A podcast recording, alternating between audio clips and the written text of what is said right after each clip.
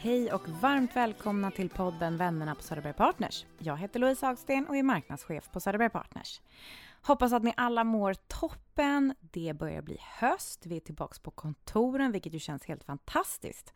Och idag har jag ingen mindre än vice vd på pension i podden, nämligen Anders Evenås. Hej Anders! Hej! Hej! Välkommen! Så himla roligt att ha dig här. Jag tänkte vi ska inleda med några korta frågor som alla får. Så sätter vi dig lite på kartan. Är du redo? Eh, Ja, absolut. Ålder? Eh, 43. Ål- eh, år inom Söderberg Partners? Oj, ehm, eh, det, var- det var en bra fråga. Startade 2007 med två års uppehåll. Mm. Mm. Just det, det kommer vi prata mer om sen. Um, civilstatus? Eh, jag är gift. Bästa egenskap? Oj, ehm, ja, nej, det, det, jag säger pass. Jag, jag kan nog inte eh, komma på vad som är bästa egenskap. Ödmjukt? Eller så har du så många så du kan inte välja. eh, vad är du rädd för då? Eh, oj, ehm, jag är rädd för karaoke. Aha! Se där. Och det, det tror jag är en skräck som du delar med många. I och för sig. Ja. Ja, där ser man. Tack så jättemycket. Du är ju, som du nämnde nu egentligen, minst sagt en gammal räv inom Söderberg Partner. 2007, då var ju bolaget bara tre år gammalt. Eh, och dessutom är du en så kallad återvändare. Eh, men vi kommer tillbaka till det snart. Jag tänkte vi kunde prata lite bakgrund. Jag vet inte så mycket om Anders faktiskt, inser jag. Var är du uppväxt?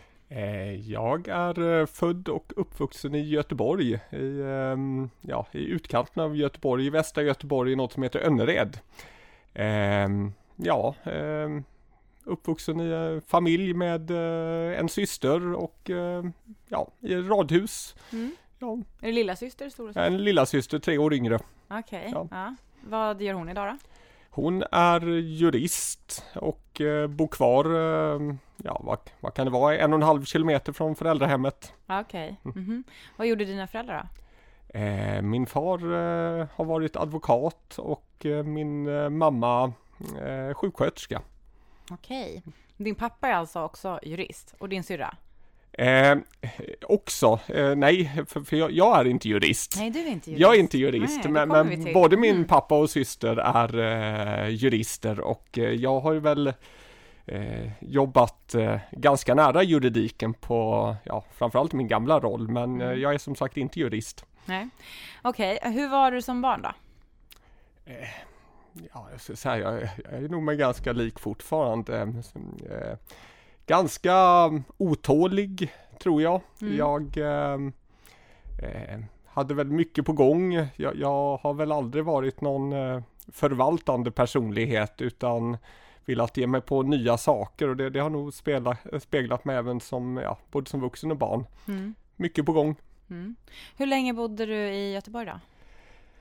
Eh, ja, där bodde jag ju fram till att jag eh, ryckte in i det militära så att eh, hur gammal kan man varit då? 19-20 år kanske? Mm. Du gjorde lumpen alltså? Ja, ja. Mm.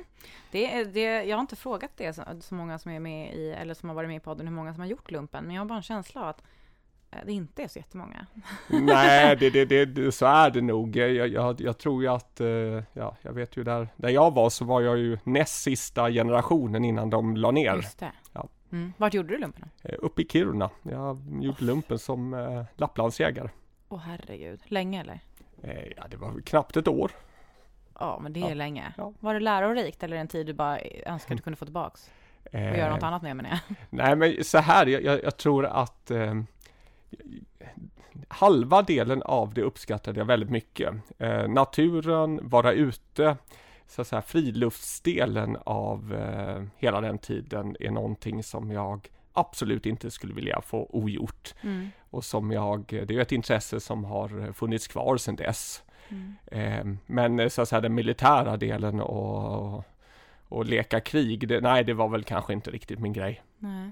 Men du uppskattar den? För jag tänker att det måste varit sjukt kallt, långa vandringar, man sover ute i tält på vintern och så här. Men det var ändå något som du minns med värme på något vis? Ja, absolut. Och, och jag, jag har ju hållit i det där också. Eh, kanske inte, ja, nu, nu kanske jag inte håller på så mycket med vintervandringar, men eh, efter den tiden och under min studietid så har jag ju bland annat eh, tagit mig till Nepal för att klättra och vandra. Jag har varit på Grönland och skidat. Eh, Så att, Mhm. ehm, eh, och det, det var väl ett, eh, ja, det, det tog väl sin start Wow. i det militära. Mhm. Härligt ju, få Ja. med sig någonting sånt. Ja. Jaha, men nu bor du inte i Göteborg? Nej, nu, nu, nu bor jag i något som heter Höllviken eh, strax söder om Malmö. Ja, du bor i Höllviken. Jag hade skrivit Malmö här. Höllviken är väl ganska nära Falsterbo? Ja, precis. Det, det, det, ja, vad kan det vara? 6-7 kilometer. Man får eh, fortsätta en liten bit till för att komma till Skanör och Falsterbo, men det, det. är på vägen. Där har jag varit mycket på Ja, somrarna. Otroligt vackert. Men hur kom det sig att du hamnade i Malmö? Ehm, ja, nej, men det, fanns väl flera anledningar till det. Ehm, jag tror största, vare sig jag eller min fru är ju från, eh, från Stockholm. Vi, vi bodde här uppe i, i ganska många år. Ehm, men när barnen var små så fanns det väl någon form av eh, längtan att komma närmare familj och sådär. Så att ehm, eh, ja, min, min, eh, min hustru fick chansen att börja jobba i Köpenhamn och det var också ett tillfälle där jag eh, bytte arbetsgivare och faktiskt kom tillbaka till Söderberg Partners i samband med att flyttlasset skulle gå. Så att jag, jag tror att eh, den, mest, den största orsaken var nog att komma närmare eh, familj som är utspridda i Skåne och i Göteborg. Just det. Mm. För, och din fru är uppväxt i Skåne? Ja, hon är från Skåne. Mm. Vad jobbar hon med?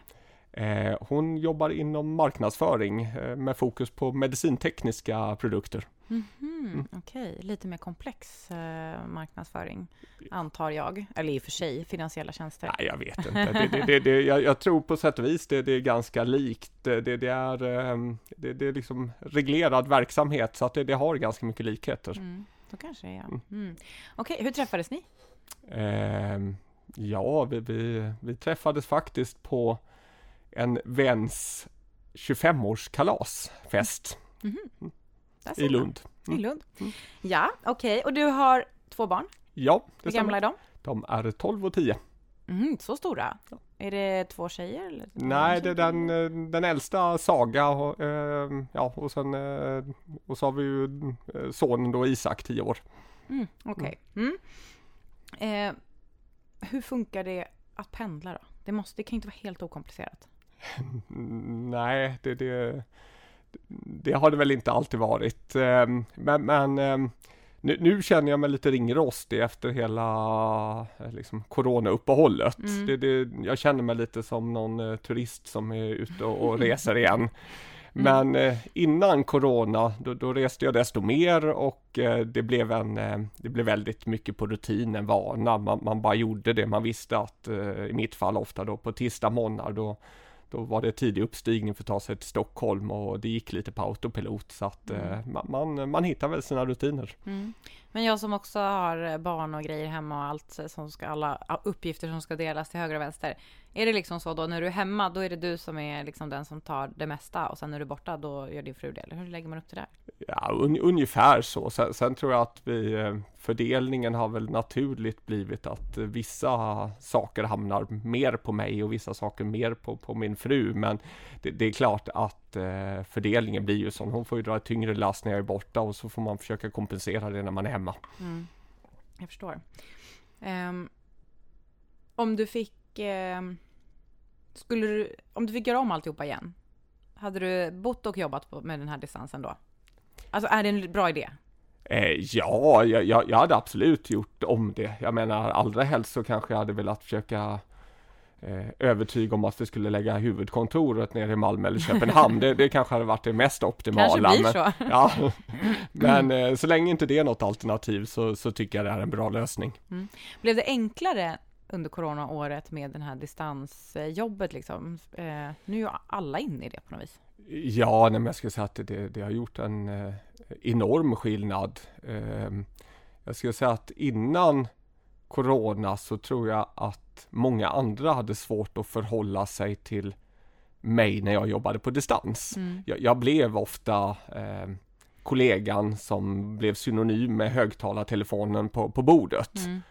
Eh, nu har det blivit naturligt för alla att eh, ja, jobba med videosamtal och annat så att eh, det, det har ju krympt avstånd. Det har gjort det mycket, mycket lättare. Mm. Det är nästan alltid någon med på Ja. Teams ju i ett möte. Ja. Mm. Vad gör ni när ni inte jobbar i familjen då? Pysslar ni med en helg? Eh, Nej men vi, vi är väl eh, så här ganska rastlösa tror jag i hela familjen. Så att det, det är mycket aktiviteter, barnen har mycket aktiviteter men eh, får vi chansen så är vi ju gärna ute hela familjen och cyklar mountainbike. Mhm, Kul! Ja. Det är en sån här bra grej man kan göra ihop ju. Ja. Men ute liksom på, i skog, på skogsstigar och? Ja, eh, ja, b- både när vi får chans på semester men även på helger och komma ut i skogen och cykla. Och, um, Så att det, det var väl också så lite grann en motreaktion mot, eh, eh, jag vet inte, eh, skärmar och dataspel och annat som barnen fastnar i att eh, få med dem ut. Och det var också en, en form som jag tror eh, liksom alla kunde uppskatta på något sätt. Mm. Men det är en härlig känsla för att jag tänker när, de är på fotboll eller dans och så här, då står man ju som förälder bredvid. Jag, hittar, jag, jag, har inte, jag tror Stella kanske är lite liten för att ehm, cykla mountainbike än, men däremot med skidåkningen har vi hittat det där. Ja. När, bara som seger i vintras, när alla fyra kunde åka ner för en blå backe tillsammans. Ja, ja, liksom. nej men det, det är jättehärligt. Det är Ja. verkligen eh, nice.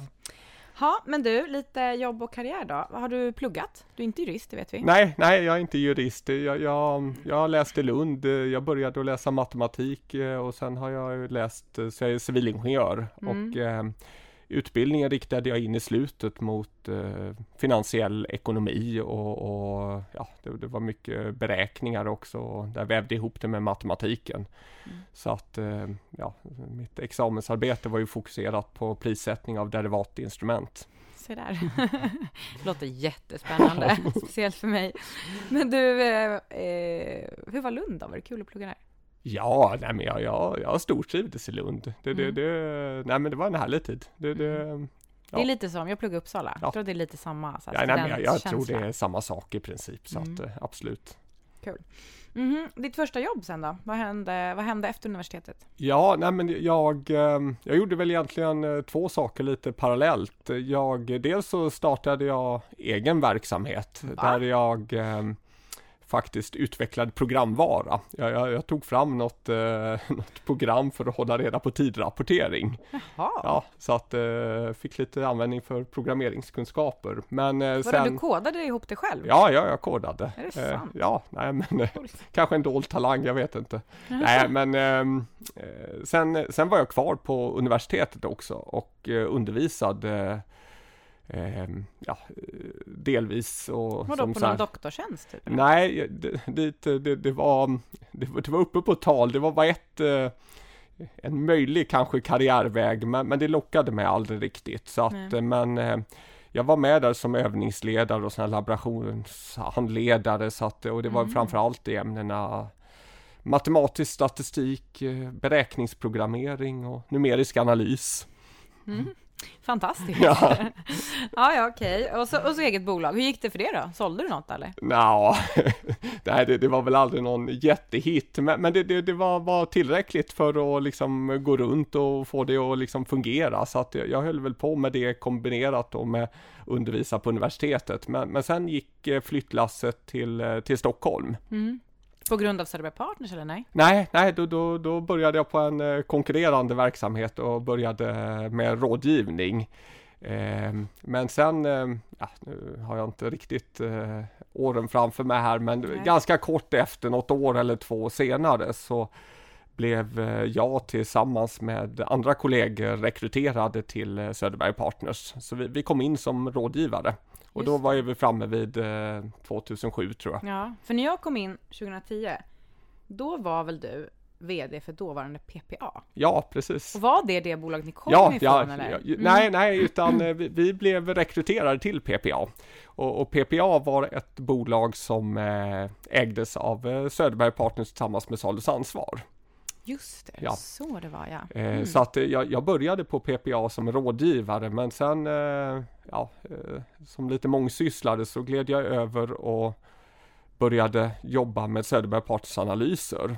Mm. Och sen hamnade jag också, blev indragen i vår dåvarande Kina-satsning. Så jag hade en, en tid i livet när jag åkte mycket Mhm. fram och tillbaka till Kina. sant? Eh, Nej, var det under tiden, för visst var Fredrik Edin VD där eller? Ja, men, Ja. men det, det, det, det, var senare. Eh, då, då hade inte Fredrik, tror jag inte, då hade han inte börjat. Så Nej, att han, okej. han var inte involverad eh, just då. Eh, men eh, därefter så, så kom jag ju tillbaka, liksom, ja, det var ju fortfarande på något sätt eh, i, i någon mening inom Söderberg Partners, så kom jag tillbaka till PPA som, precis som du är inne på här, som VD. Mm, just det.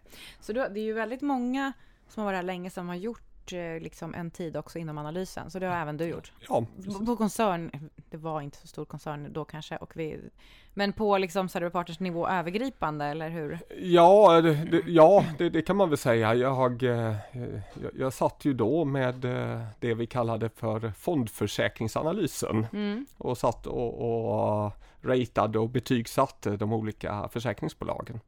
Det verkar vara en bra skola för att förstå Ja, nej, men det tror jag absolut. Det mm. var jättelärorikt. Jaha, mm. och hur var det att vara VD på dåvarande PPA då? Eh, ja, nej, men jag skulle nog säga väldigt, väldigt lärorikt. Eh, men det var också väldigt krävande. Och eh, på många sätt upplevde jag det som en ganska tuff period. Och, och jag var också eh, så här, förhållandevis ung i den rollen och, mm. och, jag tror det som gjorde det ännu tuffare var också det här delade ägandet med, med krav både från Salus och Söderberg Partners som eh, ägare och balansera de här intressena. Mm. Så att nej, det är oerhört lärorikt på många sätt och vis en rolig period men ganska tuff period också. Mm. Och, och, den här perioden var ju också ett eh, sammanföll ju också med när, eh, ja, när Saga var, var nyfödd eller väldigt liten och det, det, var, det var ett tufft pussel. Ja, jag förstår det. Jag kommer inte riktigt ihåg, men det måste ju nästan ha varit en av de första rebrandingarna av varumärken som jag var med om i alla fall. Rebrandade ju direkt också, jag vet inte vad som gick mm. först riktigt. Nej. Men eh, hur kom det sig att man bestämde i alla fall till slut att PPA ska inte vara PPA, det ska vara Söderberg Partners? Var det att Söderberg har köpte hela eller vad hände? Ja, nej men så, så, ja, det, det gjorde Eh, när jag var kvar så var det fortfarande ägt av Salus Ansvar. Det var faktiskt Salus Ansvar som var huvudägaren. Mm. Eh, men jag eh, slutade ju i, i, där någonstans och eh, började istället på Finansinspektionen. Mm. Så att jag tror att hela den här rebrandingen kom under den tiden jag var på Finansinspektionen om jag inte minns fel. Mm. När var det då? 2000... Det, detta måste varit 2011 tror jag. Just det. Ja. Mm. Så att, eh, och, och, det var ju också lite, lite speciellt. Jag, jag eh, det, det, var ju en tid när det var mycket fokus på provisionsfrågor, debatten kring eh, provisionsreglering hade blommat, eh, blomstrat upp i, mm. i media. Mm. Eh, ja, delvis drivet av myndigheten. Eh, och det, det, visade sig på den tiden så vi bodde ute i Norrviken och det visade sig att jag hade barnen, eller i alla fall Saga då, på, på samma förskola som eh, eh, ja, eller jag ska egentligen backa. Vi, vi, vi hade, det var ett föräldrakooperativ. Mm -hmm. och det, det, innebar också ganska mycket engagemang från föräldrar. Mm. Men det var någon, eh, vid något tillfälle de anordnade någon någon festlighet på kvällen mm. för föräldrar och eh, jag satt och eh, tog väl någon öl eller två och det var, jag tror det var något utklädningstema så att jag, jag satt och tog någon öl med någon gondolier på, på den här. Vad var du utklädd till? Jag, jag, jag minns faktiskt inte men jag tror att, jag undrar om det inte var italienskt eh, tema. Ah, okay. eh, men, men, senare på kvällen så visade det sig att den här gondoliären, när, han, eh, när jag frågade vad han ägnade sig åt så var han generaldirektör på Finansinspektionen. Vem var det? Vem var det, det, var, det var Martin Andersson. Ja, det var det. Ja, ja. och, och det, det visade sig att vi bodde ju nästan grannar med varandra och hade ju barn på samma förskola. Mm -hmm. Så, så det, det, var väl egentligen på sätt och vis vägen in och, mm. och det är klart att den här situationen så, klart då blev man lite också så nervös. Vad var vad man egentligen sagt om verksamheten när man suttit och pratat med Martin Andersson under kvällen. Men, eh, Han gavs inte till känna. nej, det, det, kom fram lite senare. Mm.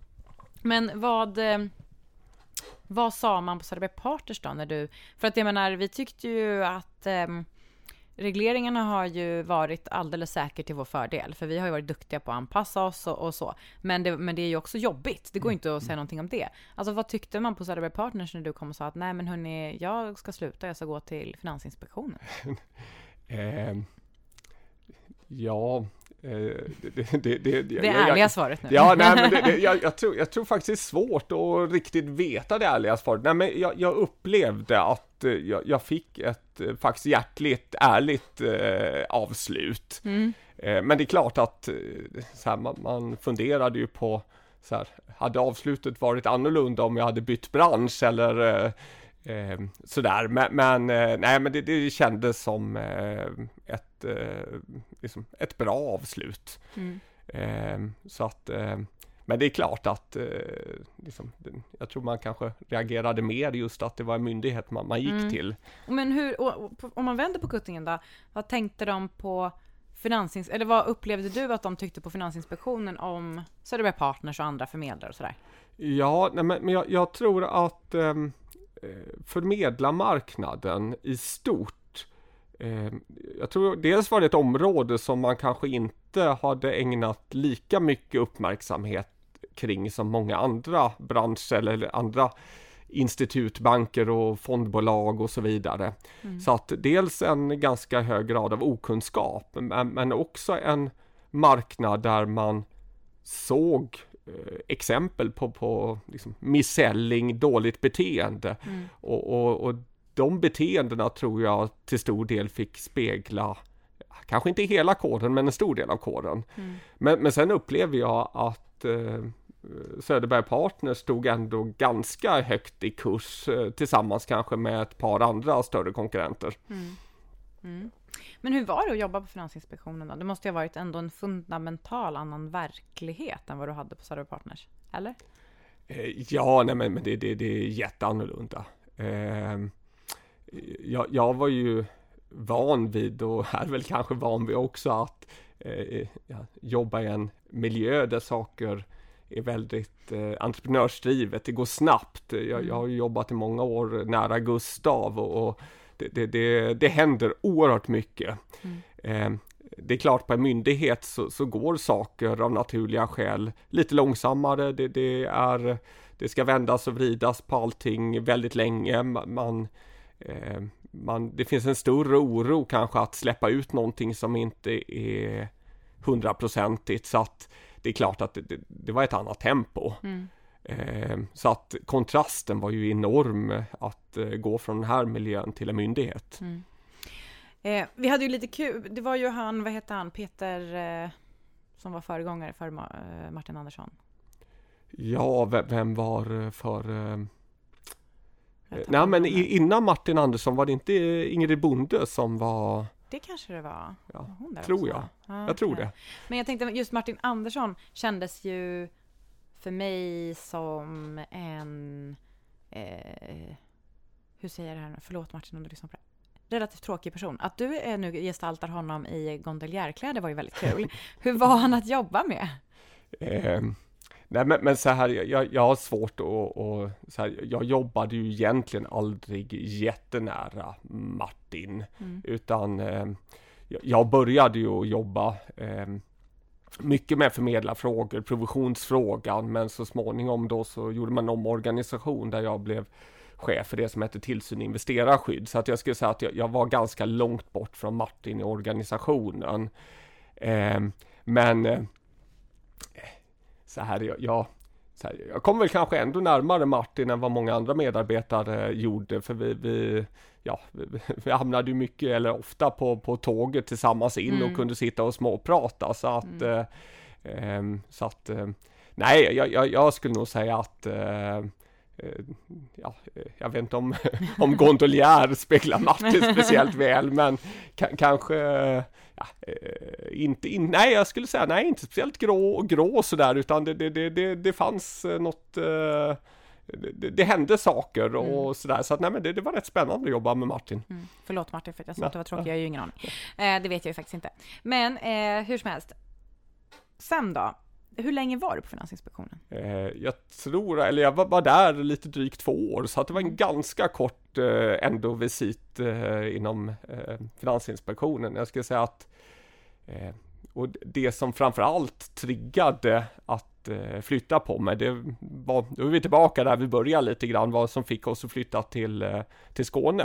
Mm. Så att det, det skyndade ju på hela processen att eh, ja, se mig om efter något nytt. Men du visste att ni skulle flytta till Skåne, så du liksom sa upp dig och skulle flytta till Skåne och så fick du se vad som hände? Eller? Nej, men, men, ja, men jag skulle säga så här, det, det, var, det var ju många pusselbitar som på något sätt eh, samverkar. Vi, vi, hade, vi kände väl någonstans att vid något tillfälle vill vi nog tillbaka. Mm. Men triggen och det som utlöste det hela, det var väl framför allt att min eh, fru då Carolina blev erbjuden en tjänst i Köpenhamn. Mm.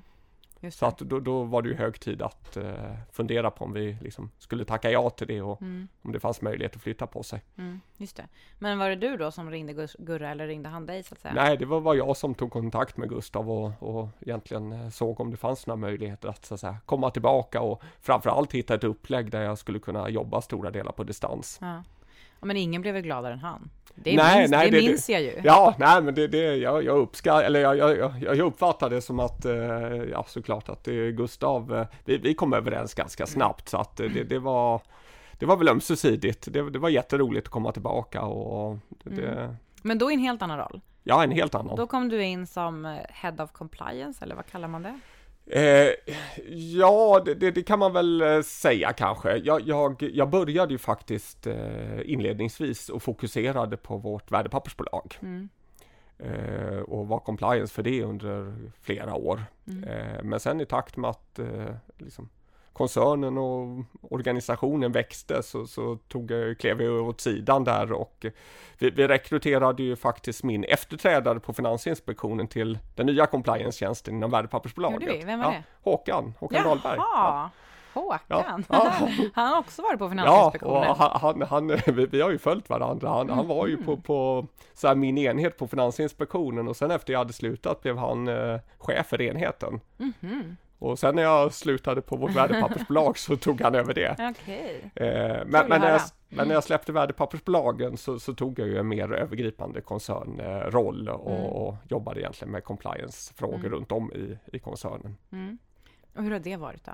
Nej men det, det, det har varit eh, jätteroligt. Det, det har varit eh, eh, Man kan väl säga att jag så här, mycket av det formella compliance, egentligen allt det formella compliance-arbetet har ju skötts inom respektive eh, verksamhet och bolag. Mm. Så att jag har ju haft en mycket friare roll där jag till stor del, ska jag väl säga, har väl blivit lite av en eh, problemlösare för att vi har väldigt, väldigt många frågor där det gäller att affär och regelverk går hand i hand och i många situationer så tror jag att vi också kan ha nytta av regelverk. Många gånger vill vi göra saker som också eh, här, som, där, där, det kanske snarare är affärsdrivet egentligen än en drivet av regelverk. Jag menar, ett exempel var att vi väldigt tidigt ställde om till arvoderade lösningar. Mm.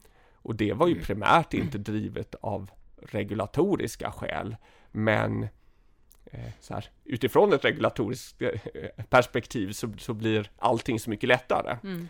Det var en win-win. Ja, absolut. Och, och jag tror det, det, finns ganska många sådana här frågor där, eh, där, där jag på något sätt har försökt kombinera regulatoriskt eh, tänkande och kunskap med, med affären för mm. att få liksom hitta win-win lösningar. Mm. Men det är säkert en enorm styrka att du har varit på båda ställena. För, för det har jag också, du sa problemlösare, jag har skrivit att jag tycker att du är otroligt eh, lösningsorienterad. Mm. För att man kan komma med dig, till dig när man har kört fast någonstans och så finns det ändå alltid lösningar genom att du troligen är ganska kreativ, såklart insatt men kreativ och kanske något orädd också.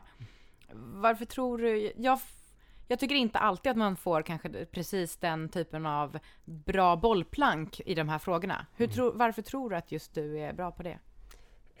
Ja, det, det, det, det vet jag väl kanske inte riktigt, men, men jag tror ju att ska man vara bra på det så, så bygger det ju någonstans på att man det kräver att på något sätt att man har tillräcklig kunskap om både affären och, och, och, och regelverk och, och, förstå hur helheten hänger ihop på något mm. sätt. Det är väl en del, men, men sen handlar det väl om så här, liksom, jag vet inte, på något sätt problemlösningsförmåga, möjlighet att hitta, tänka li, lite grann kanske utanför boxen och jag, jag tror också att det har lite grann med ja, vi var inne lite grann på uppväxt och vad man har läst. Jag, jag har ju alltid dragits lite grann åt all form av problemlösning. Mm.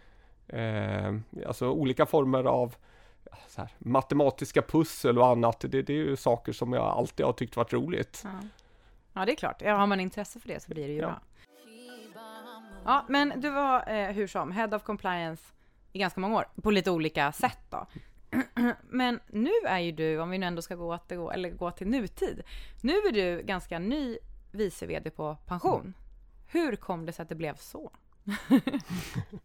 eh, nej men jag, jag, tror det är en kombination av två saker. Dels varifrån jag kommer och dels vart jag har gått. Mm. Eh, Tittar man på compliance-rollen så har jag trivts väldigt bra i den rollen, men jag har ändå varit där nu i åtta år ungefär. Och jag tror det lite grann också har med den här min personlighet att göra, att jag är i grund och botten ingen förvaltare. Jag, jag vill eh, på något sätt bygga saker, komma vidare. Och eh, jag har väl kommit till ett läge där jag kände att nu var jag ganska färdig. Mm. Och det i kombination med att jag ser eh, väldigt mycket spännande saker framöver inom pension och kände att jag har också någonting att bidra med så, så kändes, kändes det som en jättespännande möjlighet. Mm. Är det, är det liksom kul att vara inne mer hands-on i affären igen? Eller? Ja, nej men det, det, det är det. Det, det, det, nej men det, det är jätteroligt för att eh, eh, så att säga, en compliance-roll så hamnar man mycket mer i en rådgivande roll. Mm. Och, och jag har väl upplevt i och för sig att jag har varit i en position där mina råd har vägt ganska tungt. Men, men det, det, är ändå något annat att själv faktiskt kunna vara med på ett helt annat sätt och bestämma och, och skapa saker istället för att sitta lite grann vid sidan och tycka till. Mm. Vad tar du med dig ändå då från din gamla roll in i pension?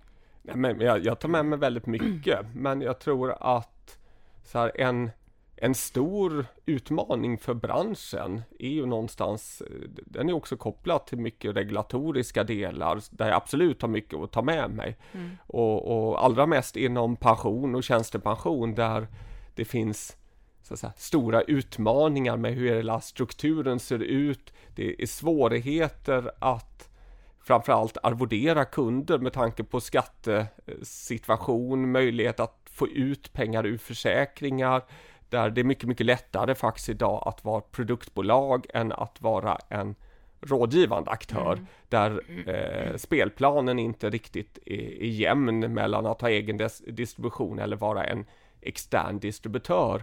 Och, och, de här delarna jackar ju väldigt mycket in i frågor som jag jobbat med i många, många år och här tror jag att jag har mycket att bidra med. Mm. Skulle du säga att det är största utmaningen för pension de kommande åren? Det, det, är en av de stora utmaningarna och sen, sen tror jag också att vi ser eh, eh Ja, nej, men kanske den största utmaningen. Mm. Eh, sen, sen, vill vi ju givetvis fortsätta och utveckla och vara på tårna och kunna leverera liksom riktigt bra konkurrenskraftiga lösningar, produkter, system, tjänster och så vidare. Men, men eh, jag tror att den regulatoriska delen är absolut en av de större utmaningarna. Mm. Du och Anders eh, Bäckström då, mm. hur funkar ni ihop? Eh, nej men vi, vi, jag tycker vi fungerar alldeles utmärkt ihop. Vi är på många sätt väldigt olika. Mm. Eh, och det är klart att eh, ibland så kanske det är lättare att jobba med någon som är väldigt, väldigt lik en själv. Men, men jag tror att det här är mycket, mycket bättre. Vi, vi kompletterar varandra, mm. tror jag, på ett eh, alldeles, eh, liksom, ett jättebra sätt. Så att nej, jag, jag, jag trivs att jobba med Anders och jag, jag tror att det är en uh, jättebra kombination. Mm. Sen lite förvirrande att uh, ni båda heter uh, Anders. Ja, ja det, det, är väldigt förvirrande. Mail som går fel och grejer. Ja, ja. Men Anders är ju Jag är ett stort fan av, av Bäckström. Man får ju väldigt mycket energi av honom. Ja, ja. Men han har också en tendens att slänga upp jävligt mycket bollar i luften samtidigt så här, och så ska man veta vilka som vilka av alla de här är det liksom viktigast att fånga ja, på något sätt? Ja. Den, eh, den är inte helt lätt alltid ju. Nej, nej, men, men, nej absolut, visst är det så. Jag, jag håller ju med dig i, i båda de här eh, reflektionerna kring Bäckström. Det, det, är oerhört mycket energi, det är mycket kreativitet och det smittar av sig och det, det tror jag är jättevärdefullt. Eh, jag är ju mer strukturerad och, och, det blir väl lite också min, en del av min uppgift att sortera alla de här bollarna som kastas mm. upp och prioritera bland alla bollarna. Mm. Hur länge har du varit vice vd nu på pension? Eh, jag kom in i maj. Just det, Ja, ja, så att det, blir ett gäng månader ändå. Ja, Men vad skulle du summera hittills tycker du är det roligaste med ditt jobb? eh, ja men det, det, det är jättemånga saker som är roligt. Men eh, så här inledningsvis ska jag nog säga att det, det är allt som är nytt. Alla nya utmaningar. Det, det är väldigt stimulerande att sätta sig in i helt nya saker. Människorna får man ju också. Det, det är ett fantastiskt gäng så att nej men det, det är jättekul. Mm. Du, du har ju varit på Södra Partners eh, länge ju, Mm. eh, med en liten paus. Men vad skulle du säga är så här, den största skillnaden på bolaget i sig när du började 2007 och idag? Förutom att vi är större. Eh, nej men, men så här, jag, jag, jag tror faktiskt att det, det är att vi är större och inte bara det faktum att vi är större men, men att vi är större sätter också eh, det, det tvingar oss att delvis ändra arbetssätt och hur vi, hur vi jobbar, hur vi tänker. Eh, vi, det- är, en, det är en, jag också en resa som är ibland, den är rolig men den är också utmanande ibland att vi, vi, vi som varit med länge här jag tror att det sitter lite grann i DNA att det ändå är det lilla familjeföretaget. Jag tror det är viktigt att vi på något sätt klarar av att behålla den känslan men ändå klarar av att bygga en struktur som fungerar när det blir mycket, mycket större. Det är ju en utmaning. Ja, För att vi är vana, eller vi vill väldigt gärna ta väldigt snabba beslut Mm. och inte vara så formella. Men vissa strukturer här gör att vi måste vara det ju. Men jag håller med, det är faktiskt eh, himlans krångligt. Tycker jag. Men vad tycker du Söderberg Partners eh, absoluta styrka då? eh, nej men det, det absolut, men så här, det finns ju många styrkor men jag, jag tror att en enorm styrka är att vi, även om vi inte kan vara riktigt lika snabba som när vi var små, så är vi snabba och vi har, jag tror att vi är väldigt, väldigt duktiga på att känna av eh, vart vindarna blåser, både och anpassa oss efter kundbehov, eh, skräddarsy lösningar, att vara lite grann steget före när det kommer till vad ska vi erbjuda? Och, och, och där har vi också, liksom, om jag tittar tillbaka på min egen bakgrund liksom, inom compliance, där, där, där har vi också en sån här del att faktiskt kunna använda eh, andra delar till vår fördel, att anpassa vårt erbjudande så att eh, eh, Nej men, jag- sen, men sen ska jag också säga kulturen. Jag tror kulturen är jätteviktig. Vi, vi, vi har oerhört engagerade eh, och drivna medarbetare. Mm. Och, och det, det tror jag är oerhört svårt att eh, kopiera och eh, så här och sen Ja, och det, det finns ju säkert jättemånga orsaker hur vi har liksom lyckats med det, men jag tror att det, det är en av de absolut största styrkorna. Mm. Det håller jag med dig om. Du, om man tittar tillbaks på alla de här åren då. Har du något sådär äh, bästa minne från alla de här åren? Eh, oj. Eh, nej, jag, jag, jag, får nästan passa på jag har, jag har många, många bra minnen, men, men att eh, plocka ut ett här, jag, jag, nej, jag har svårt. Ja, jag förstår. Ja, du vill lämna Söderberg Partners och karriär.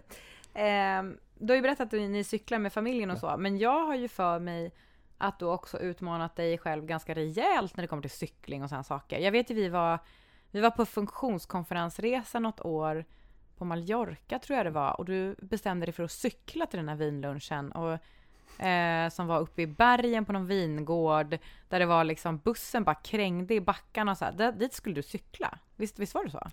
Ja, Uppåt. nej, men det, det, det, det, det stämmer. Det, det, det är väl eh, jag som är bosatt i Skåne cyklar ju, eh, ja, det blir ju inte så många höjdmeter, det, det är ju att cykla runt kring bland åkrarna, så att jag, jag älskar ju när jag får cykla i, i berg och när det blir kuperat och när det blir klättringar och eh, nej men cy, cykeln är ett stort intresse, jag cyklar ju mycket landsväg, mm, en hel del mountainbike. Men har du gjort Vätternrundan och såna grejer också? Nej, nej det, det har jag inte, jag har cyklat mycket cykellopp, men, Mm. men jag skulle nog egentligen identifiera mig mer som triatlet än cyklist. Mm. Vad gör man mer då än cyklar? Ja men då, då, då börjar man ju med att simma och så kommer sen cyklingen som gren två och så avslutar man med löpning. Och hur, hur, hur långt simmar man? Ja, nej men det, det, det finns ju i, i många olika distanser, Aha. men jag håller ju på framförallt på längre distanser, så att det, det är ju halv Ironman och hel Ironman som är mina... Herregud. Ja, ja. Du har gjort både och eller? Ja, nej men det, jag, jag har gjort eh, ja, ganska många av varje sort. Oh, men då är det alltså så att man springer typ en mara efter att man har cyklat hur mycket mil som helst och simmat? Ja, ungefär så. Det är ja. helt otroligt. Vad, hit, alltså, vad ger det dig, tänker jag? Jag skulle aldrig göra det, jag är sjukt lat. Jag skulle aldrig göra det. Ja. Nej, men det, jag, jag, tror det ger väldigt, väldigt mycket. Och det, det, det ger mig träningsmotivation om inte annat resten av året. Ja, det är sant. Den, den, den är värd en hel del, men, men eh, sen, är det inte, jag menar just den dagen så är det klart att det, det, finns eh, stunder där man undrar vad man håller på med när, eh, när, när det känns eh, mindre kul. Men, ja. men, på det stora hela så ska jag säga att det, det är en oerhört liksom, tillfredsställande känsla att både genomföra det, sätta upp mål och kämpa för de här målen och, och förhoppningsvis då nå dit. Och jag menar, mycket av träningen går ju på lite mer behagliga distanser och, och där kan jag ju också tycka att det finns något meditativt avkopplande vara ute och springa en längre runda eller cykla en längre sträcka för då, då går det ofta i lite lägre tempo. Man hinner att samla sig och sina tankar så att jag, jag, tycker det är väldigt avkopplande. Det tycker man om man har väldigt bra kondition tror jag. Att man kan hamna i det där att det bara inte är jobbigt, det bara går. Men delar du intresset med din fru eller? Ja, ska jag säga det. Hon, hon, eh, hon ägnar sig inte åt något, några triathlon, Nej. men eh, vi, vi, delar ju intresset för mountainbike och hon eh, är också ute och springer en del. Ja. Men ni är ändå ett gäng på Söderberg Partners som pysslar med Ironman och så, eller hur? Ja, det, det är vi. vi sen, sen, sen, håller vi väl inte liksom ihop träningsmässigt utan eh, så att, men, men, det är flera som håller på och Eh, jag har ju träffat flera kollegor ute på tävlingar också. Mm. Fantastiskt. Men du, ehm, har du någon så dröm du skulle vilja uppfylla som du inte har gjort? Så här, vi säger att du skulle ärva 500 miljoner av någon. Eh, men, men, så här, jag tror att det här är eh, kanske det mest eh, tråkiga svaret, men eh, nej, det har jag egentligen inte. Jag, jag, är, jag, jag är nog i grund och botten så tror jag försöker göra de sakerna som jag verkligen vill göra. Eh, det, det som jag så här känner är det, den ständiga utmaningen, det är att tiden inte räcker till. Mm. Så att det, det, det går det, inte att köpa Nej, det gör pengar. inte det. Det gör inte det. Och, och någonstans så här, jag, jag vill göra mer av allt. Jag, jag, jag, skulle vilja göra mer hemma, jag skulle vilja cykla mer, jag skulle vilja träna mer, jag skulle vilja göra mer på jobbet, men, men tiden räcker inte. Men du skulle inte sluta jobba om du fick 500 Nej, miljoner? Nej, det skulle jag inte. Nej, nej. det var ett bombsäkert ja, svar. Nej, nej, men jag, jag, jag eh, sen, sen, sen, vet jag inte om man hade fördelat om tiden, men jag tror, nej, jag tror inte det. Jag tror jag hade fortsatt som idag. Mm. Jaha, men du, en annan fråga. Den 27 januari, då har ju vi kick-off för första gången nu på flera år. Två och ett halvt år närmare bestämt, så vi får träffa folk mm. liksom igen. Jag funderar på så här, har du någon drömsiting på kick-offen som jag ska ta hänsyn till? Så här, någon som du är nyfiken på som du eh, som jag ska sätta dig bredvid, så du kan fråga massa saker. Eh, jag, jag, skulle jag skulle nog svara så här att jag, jag har haft eh, förmånen lite grann i min, framförallt i min gamla roll att träffa väldigt, väldigt många människor inom Söderberg Partners, både i Sverige och internationellt. Eh, många fantastiska medarbetare, men jag tycker lite av tjusningen med kickoffen är att jag ofta hamnar bredvid personer som jag inte har kommit i kontakt med. Mm. Mm. Som där, med andra ord sådana som jag inte egentligen hade kunnat eh, önska mig att, för, för, jag visste knappt om att, att de fanns, de fanns eller vad, vad, de gjorde. Och det tycker jag är lite av tjusningen. Så att eh, Nej, jag, jag, jag... Jag överraskar dig gärna. Ja, gärna. Ja, ja. Kul. ja, du, tiden går fort. Avslutningsvis så ska vi leka pest eller kolera. Ja. Du ska alltså göra val. Så, är du redo? Ja, nej men vi, vi kör. Då kör vi. Okej Anders, du kommer aldrig mer att få cykla eller köra bil. Nej, men då, då får jag välja bort bilen. Ja, cykla, det vore som att ta en arm från ja. dig. Ja, du får en timme med någon av de här personerna. Antingen är det Dalai Lama eller så är det Greta Thunberg. Nej, men då, då får det nog bli eh, Lama. Vad skulle du prata med honom om då? Eh, nej, men jag, jag, skulle nog, jag skulle nog mest lyssna, tror jag. Mm. Mm. Jag tror det finns tror. mycket intressant, så att ja. Mm. Nu du, du måste byta jobb med någon på Söderberg Partners, så antingen blir du ny marknadschef eller ny koncernchef. Oj, eh, jag, ja, det, det, det kanske är ett oväntat svar, men, men jag, här, det är inget val, jag skulle egentligen inte, inget av det lockar mig. Det, det, det, är säkert för många människor två helt fantastiska jobb. Men, men eh, koncernchefsjobbet, nej, det, det, det, det, hade jag inte varit intresserad av. Och marknadschef, jag, jag, tror att det lite grann går hand i hand med den här rädslan för karaoke och liknande. Ingår det att hålla i kickofferna, då, då, då går det helt bort. Så att eh, då får du nog ändå bli koncernchef. ja, det är verkligen pest eller kolera. Ja, men tusen tack Anders för idag. Och eh, tack för att du kom hit och bjussade på dig själv. Superroligt. Och tack alla som har lyssnat också. Vi är snart tillbaka med en ny spännande gäst. Då kan jag redan nu avslöja att det är en extern gäst, nämligen Mia Törnblom nästa gång. Glöm inte att prenumerera på podden så slipper du missa ett avsnitt. Och eh, ta hand om er nu så hörs vi snart. Hej då!